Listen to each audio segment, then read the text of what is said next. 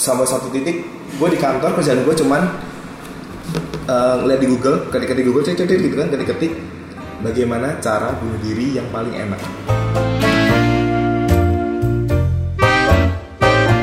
Hai, baik lagi bareng gue Edi Hartono dan Richie Wirjan Welcome to Mikir Mulu, sebuah podcast yang mengajak kalian untuk nggak mikir kelamaan dan segera take action. Dan hari ini kita ada di kantorku Coworking Space City Walk Sudirman dan episode ini kita akan obrolin tentang apa sih? Tentang gimana caranya kita melawan atau kayak apa ya ngejawab depresi-depresi kita, overcoming depression. Oh, sebenarnya apa sih itu depresi? Satu topik yang berat karena ngomongin depresi, tapi kalau menurutku depresi itu adalah um, ini pernah jawaban pribadi ya, bukan klinis ya. Gue lebih ingat kayak kita tuh punya satu masalah, stres, pusing berlebih, terus sampai akhirnya uh, ngerunyamin semuanya, mau emosi lu, mau mental lu, bahkan sampai fisik, bisa sampai ke situ. Hmm, berat juga ya?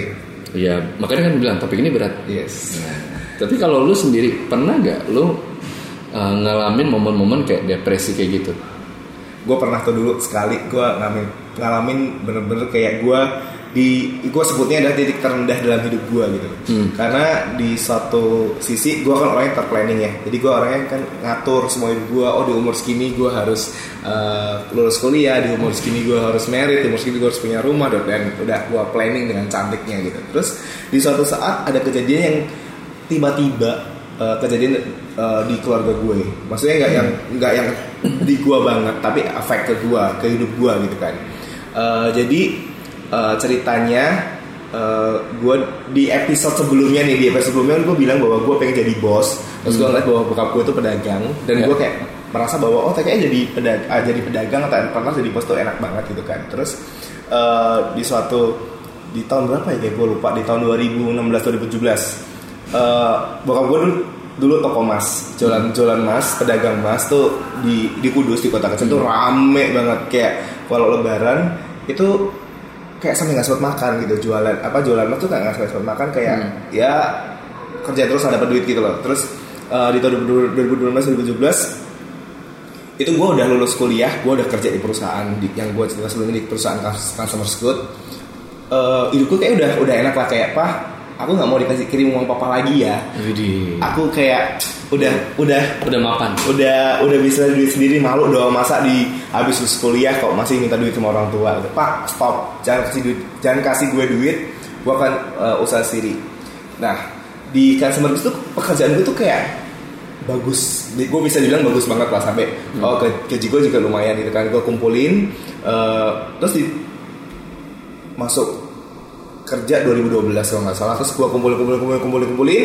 Terus eh, di suatu di suatu di tahun 2015 bokap gue tuh kayak suka telepon gue eh Ed manggil gue nyo gitu kan kalau di Kudus kan nyo gitu nyo Hmm. eh, papa pinjem duit dong gitu berapa pak gitu Wih. Eh, berapa pak gitu. Agak sombong kan udah punya duit berapa pak Eh, 25 juta Terus? Oke, ada dong gue kasih. Terus sebenarnya kok Ada 25 juta ya? ada waktu itu masuk kuliah Waktu kan. Luar biasa ya. Lumayan kan kan dulu gue gue cukup karena gue gue tau nih gue mau beli ini itu ini itu Hmm. gue cukup mengatur jadi gue kayak ada lah gitu. Terus pinjemin tuh ke bokap. Ya.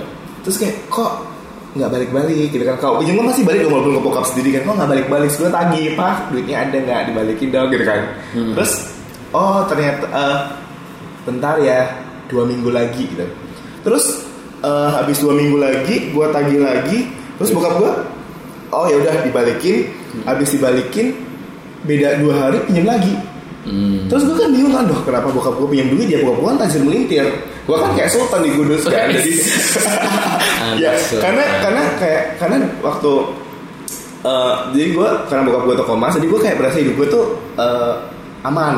Hmm. Dari zaman gue kecil, SMP, SMA, kuliah tuh aman gitu, aman banget lah. Hmm. Eh, terus habis itu, loh kok pinjam duit lagi ada apa nih gitu kan? Terus gue tanya bokap gue, "Eh, Pah, emang kenapa sih kok papa pinjam duit terus kok kayak ada problem apa? Hmm. Jadi ceritanya di saat itu bokap gua bilang langsung cerita, "Eh, iya eh, kita kondisi keuangannya nggak bagus, papa bangkrut, Terus kayak deh deh deh deh. Terus satu statement tuh yang Itu kayak itu langsung kayak gua langsung oh my god, Hmm. pak kenapa gue bisa sampai benar-benar jatuh gitu kan sampai benar-benar kayak gue depresi depresi karena ketakutan terbesar gue itu adalah jatuh miskin. Hmm. jadi karena kebiasaan hidup enak tiba-tiba gue tahu bokap gue gak boleh duit berarti otomatis gue miskin jatuh miskin gitu kan. Jadi wah gila men. Walaupun gue kerja tapi eh, ya karena gue bokap gue pinjam gue kasih bokap gue pinjam gue kasih dan sampai gue sendiri nggak mikirin diri gue dan ternyata duit gue habis. Dan itu yang menambah kegelisahan gue menambah depresi gue dan sampai di suatu titik itu gue udah ketemu William kita udah bikin uh, Foursquare uh, sampai satu titik gue di kantor kerjaan gue cuman uh, ngeliat di Google ketik di Google cek cek gitu kan ketik ketik bagaimana cara bunuh diri yang paling enak Boom. tapi tapi, Tapi se- William tahu gak? Wi- William tahu gitu Tapi karena di, di setelah setelah berapa lama? Uh, jadi sebenarnya gini, gue tuh masuk ke depression, gue tuh benar-benar stres. Tapi tuh karena gue extrovert kali ya, gue gue kayak kayak kayak stres tapi kayak guys, gue stres banget nih, gue nggak, kayaknya gue gue cerita gitu, gue ngomong gitu. Tapi stres, kayak gue ngomong, tapi gue bener-bener kayak wah men, gila, gue gue gue kayak nggak guna lagi deh, gue nggak tahu nih hidup gue tuh mau ngapain Hmm. gitu.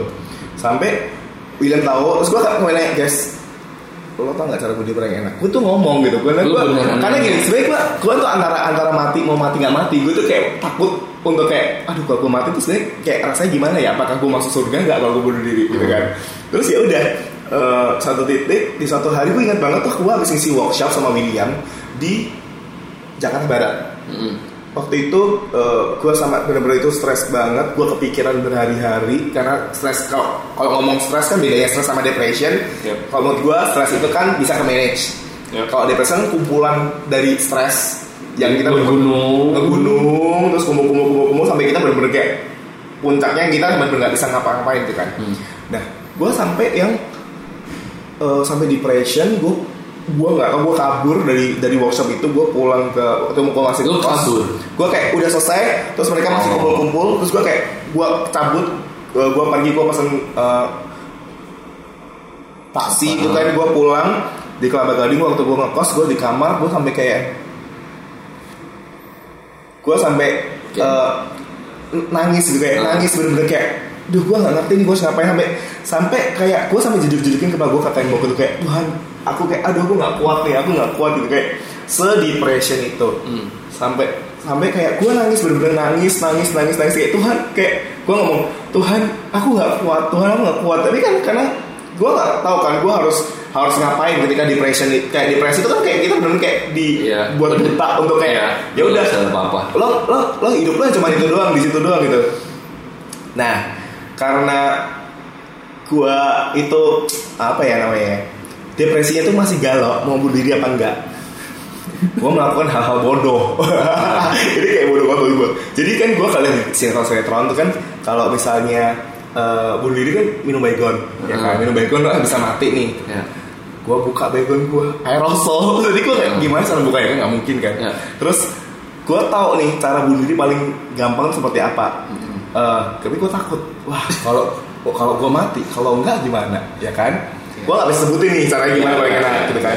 Sampai gue eh, nangis nangis nangis sampai bener-bener nangis sampai bener capek gue tidur. Sampai ketiduran lah ceritanya. Eh, handphone semua gue silent William telepon gue berkali-kali bokapnya ke gue telepon berkali-kali kayak gue nangis nangis nangis ambil kayak lihat handphone siapa sih yang kontak gue kayak awak gue kayak gue angkat kayak "Ah, aku nggak kuat aku nggak ngerti lagi aku harus ngapain gitu Ini nyusahin banget sih sumpah. Ini Dan, banget sih. dan, Ini ini, bikin panik dan, orang-orang. dan ini cuma ngomongin gini doang. Iya. Bener cuma itu doang. Lu cuma ngomong kayak aku udah gak Pak, kuat. aku udah gak kuat aku nggak tahu aku harus ngapain gue tutup gue nangis bener-bener kayak gue nangis nangis nangis sampai ketiduran nah untungnya tuh untungnya eh, nggak tahu ya mungkin kayak gue masih diberikan kesempatan untuk hidup Iya. lagi besok paginya nggak tahu ini ini the power of nangis kali ya. Kayak tiba-tiba tuh pagi itu plong gitu. Hmm. kalau plong dan gue merasa bahwa gue berpikir bisa berpikir jernih dan gue berpikir bahwa ya kalau gue mati sekarang ntar yang ngurusin adik gue siapa? Bokap gue udah gak punya duit dan eh, hidupnya bokap nyokap gue hidupnya adik gue gimana? Dan gue berpikir bahwa oh ya gue harus move on nih. Gue harus mem- memperbaiki nggak memperbaiki keadaan ya. Maksudnya gue untuk berusaha untuk ya kita mulai ap- yang gue bisa lakukan gue lakukan dulu gitu. Nah itu itu sebenarnya cerita gue di mana gue berasa di titik terendah gue. Nah kalau lo pernah nggak punya cerita tentang depresi? Oke, ini menarik ya maksudnya kayak ya gue yakin em, semua orang tuh punya masalah masing-masing. Yes. Gitu ya. Gue yakin juga lu yang dengerin podcast ini juga mungkin lu lagi ngalamin masalah dan lu depres tapi lu juga nggak bisa ngomong ke siapa-siapa gitu. Mm-mm.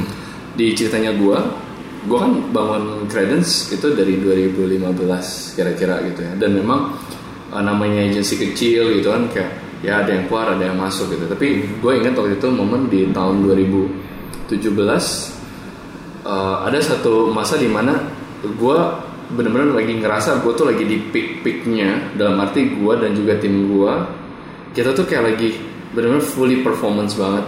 Yang kayak tim gue bisa gue lepas ngejain bener-bener bisa independen. Dan gue liat kayak ya nih kita nih thriving banget nih gitu. Tapi kita tahu ya entrepreneurs itu kan kalau yang orang-orang bilang mereka tuh lonely.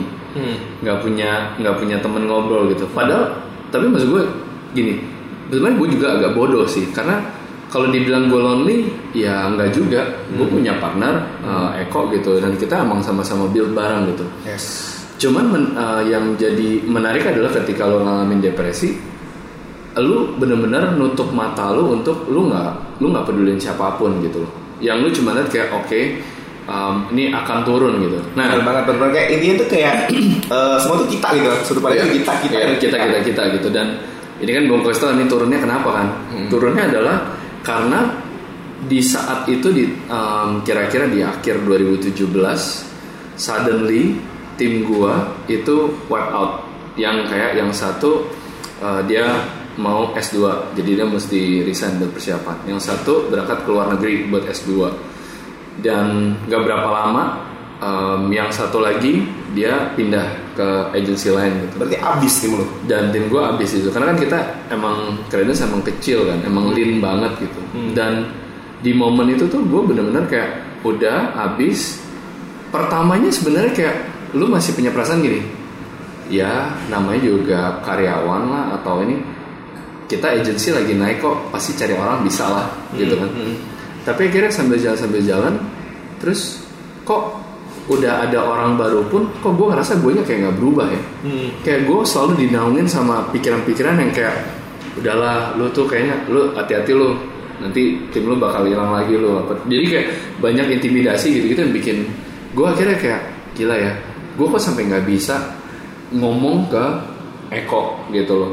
Yang dalam hal ini kan ya di kerjaan ini di kantor gitu. Yang partner yang lu anggap sebagai partner lu nggak bisa ini tambah parahnya adalah jangankan Eko yang di kantor. Istri gua aja gua nggak bisa buka depresi itu. Pokoknya istri gue cuma tahu bahwa em, di kantor ada masalah yang sebagaimana ya mungkin seorang pacar atau seorang istri cuma lihat kayak oh iya mungkin lagi ada banyak kerjaan di kantor akhirnya lo jadi depresi sampai akhirnya suatu saat di mana em, titiknya adalah gue bener-bener kayak gue bilang kayak kok sorry nih gue gue bener nggak bisa. Gue mesti um, nenangin diri gue perlu waktu sendiri gitu. Dan di saat itu ya Eko juga shock lah pasti. Karena kan kayak kenapa orang lu sama ini di kantor ya jalan di jalan aja gitu. Kayak tapi akhirnya di momen itu gue bener-bener kayak um, di saat di rumah itu kayak lagi pada kosong kayak pada pergi lah keluar gitu-gitu gue cuman modal gue dan satu buku kecil. Abu-abu gue yang itu gue pakai buat jurnal gue Hmm. di momen itu gue ngapain? Gue nulis. Hmm. gue mengakui bahwa uh, ya gue tulis itu semua kekurangan gue ya. Jadi yang gue belajar kayak kalau lo punya masalah kalau punya depresi ya mungkin ada sebagian datang karena kesalahan lo juga. Mungkin sebagian datang dari faktor orang lain gitu. Hmm. tapi yang gue alamin adalah gue ngerasa lu kalau depresi kebanyakan lu akan banyak nyalahin orang terus terus terus. Eh nyalahin orang maksudnya nyalahin pribadi. Iya. dan sampai akhirnya gue di situ gue tulis gue gue masih simpen tuh jurnal gue sekarang. Gue tulis kayak gue mengakui gue orang yang terlalu perfeksionis gue terlalu banyak menuntut gue nggak bisa jadi ayah yang baik buat anak gue gue nggak bisa jadi partner yang baik karena seharusnya gue gimana si um, sedangkan Eko tuh jadi kayak gimana. Gue terus kayak gitu tuh. Sampai nangis. Ya pokoknya na- itu kayak menurut gue tapi akhirnya setelah gue tulis semua itu dan gue menulis salah satu aspek yang menurut gue itu gue relief adalah ketika gue tulis bahwa gue mengakui bahwa ada saat-saat di mana orang harus ngejar mimpinya masing-masing. Salah satunya adalah tim gue gue terus kayak gitu dan gue berharap bahwa semua orang yang udah pernah kerja di Credence dan dia bisa pergi lagi mereka bisa sukses sebagaimana gue sekarang merelakan kepergian mereka Udah, Total. Gitu, dan akhirnya setelah gue bilang gue tulis gitu gue merelakan Yes. dan udah selesai ya biasalah berdoa dulu gitu gitu terus udah but suddenly kayak gue balik ke kantor gitu dan Eko juga ngeliat kayak kok lu kayak beda ya gitu beda in a positive way Hmm. gitu dan ya udah gitu dan akhirnya ya salah satu bukti bahwa gue sudah melewati depresi adalah gue bisa ceritain ke lo orang kalau yang dengerin gitu. Karena itu salah satu bukti bahwa ketika kita bisa ngelewatin depresi itu ya lu bisa terbuka dan lu cerita ke orang lain. Oke, berarti kalau kita eh, rangkum, maksudnya gimana cara tumpahin eh, cara untuk melupakan depresi atau kayak? Kalau menurut gua kalau dilupain mungkin enggak kali ya. Yes. tapi kayak kita ngelewatinnya gimana sih gitu? Oke. khususnya buat uh, lo orang yang apa ya yang usaha sendiri gitu atau bahkan mungkin lu lagi mulai tapi lu ngerasa lu nggak disupport hmm. kalau dari gua untuk ngalamin depresi karena stres lu pernah gagal kayak lu ngerasa lu lu adalah sebuah produk kegagalan Hmm. menurut gue salah satu caranya adalah menulis mengakui gitu karena ya kalau lu nggak mau ngakuin itu sebenarnya lu akan terus deny dan setiap um, denial lu itu akan ngebawa lu makin dalam terus ke ke satu tempat yang ya orang lain bahkan nggak bisa jangkau Hmm. cuman lu doang yang bisa ibaratnya lu udah berenang dalam banget ke situ yang bisa lu lakuin ya lu berenang balik makanya kalau di gua nulis ada ada ada orang-orang kan yang nggak bisa cerita kan ya Yes. gitu kayak ada punya partner pun belum tentu jadi jaminan bahwa lu bisa ceritain masalah itu yang personal ke orang lain Kalau gue mungkin gue bukan tipe orang yang nulis kali ya, jadi gue lebih lebih lebih gimana cara menumpahkan Tapi kekesalan gue. cat- catatan lu bagus loh Yang kemarin kita bahas tuh ya Yang di episode 1 kayak Lu tuh punya agenda Lu punya kotak pensil Iya. Warna-warni Iya, iya, iya, gitu iya. kan Tapi tapi kayak itu kayak ketika gue menulis gue kenapa gue menulis karena gue eh, gampang lupa gitu makan nulis. Tapi kalau untuk depresi karena kalau depresi itu kan gue kayak udah nggak bisa mikir apa pun gitu kan. Yang gue bisa lakukan cuma nangis gitu. Dan nggak ada salahnya kan cowok nangis gitu kan. Maksudnya Enggak lah Enggak apa-apa kayak gue bisa cuma nangis nangis nangis tapi setelah itu setelah gue nangis gue sadar dan gue kayak gue harus ketemu orang nih gue harus gue harus ngobrol masalah gue ke orang yang gue bisa percaya gitu Hmm. karena eh, gue gue kan kayak ini extrovert kali ya jadi kayak gue harus ketemu orang untuk ngobrol untuk kayak ini gue punya masalah nih gini gini gini gue nggak butuh solusi dari mereka apa yang penting ketika mereka udah dengerin gue gue udah plong aja gitu Iya, iya, iya. Tapi kalau lu tadi kan lu udah ngomong kayak, eh guys, kira-kira cara bunuh diri paling ini, kok lu nggak selesai juga?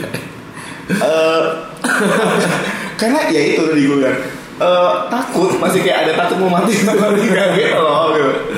Ya, jadi kalau menurut gue jadi jadi hik, jadi apa ya jadi pelajaran sama-sama Iya, sih iya, karena iya. kayak yang namanya balik lagi ya depresi itu kan kayak uh, lo ada di zona gelap yang lo sendiri nggak tahu lo kayak gimana orang luar juga nggak tahu kayak gimana ya lo mesti ngasih kesempatan buat diri lo kayak ya sih gitu ya udah akuin aja emang mess up jadi kayak everybody is mess up, mess up gitu. Everybody make a uh, made a mistake. Emang lo pasti akan ngalamin kegagalan itu kayak ya udah akuin aja.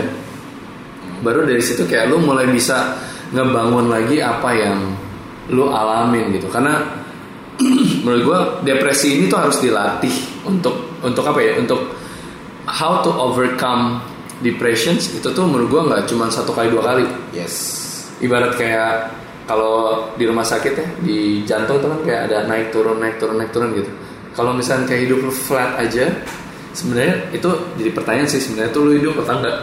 Hmm, hmm, hmm. tapi ketika kita ngeliat kayak ya ini kita ngalamin masalah ya udah turun ya turun. Tapi ya lu mesti bangkit lagi apa pun masalah lu gitu. Kalau ini tadi sempat cerita soal keluarga di gua gue cerita soal di bagian pekerjaan. Mungkin lu juga yang dengerin lu mungkin juga lagi mungkin ngerasa depresi mana? Misalnya contoh urusan percintaan misalkan. Gila gue udah jomblo udah lama banget. Eh, dari udah udah udah kayak jalan. Kayak mana ya? Gue udah yakin nih gue high quality. Hmm. tapi masih yang nggak dapet. Mungkin mungkin kalau gue saranin mending lu coba putar podcast kita yang episode 4 ngomongin soal cinta-cintaan Cinta-cinta. gitu deh. Gitu. Oke gimana? Ya apalagi apalagi Oke, mungkin kita mau closing kali ya. Eh, buat teman-teman yang mendengarkan podcast ini, yes yang mungkin sedang mengalami depresi, jangan terlalu mikir dalam-dalam kali. ya jangan ya emang sih podcast ini kan namanya mikir mulu ya Yes. tapi coba Jangan dipilih jangan jangan mikir mulu tuh depresinya, tapi mikir Iya. mulu gimana caranya kita bisa keluar dari depresi kita. Betul. Kita bisa ngelakuin apa yang bisa membuat kita lebih baik lagi. Karena kalau mikir mulu kapan actionnya Oke, eh, kalau misalnya kalian punya cerita yang tentang kalian depresi atau kalian sedang mengalami masalah masalah masalah tertentu bisa langsung DM ke kita di Instagram kita. At mikir mulu. @mikirmulu. Eh, nanti kita akan kita akan coba baca ya. Kita akan coba dengerin kalian. Percayalah kita semua eh, di sini adalah pendengar yang baik. Yes, thank you. gitu. Oke sampai jumpa lagi di episode berikutnya guys. Thank you udah dengerin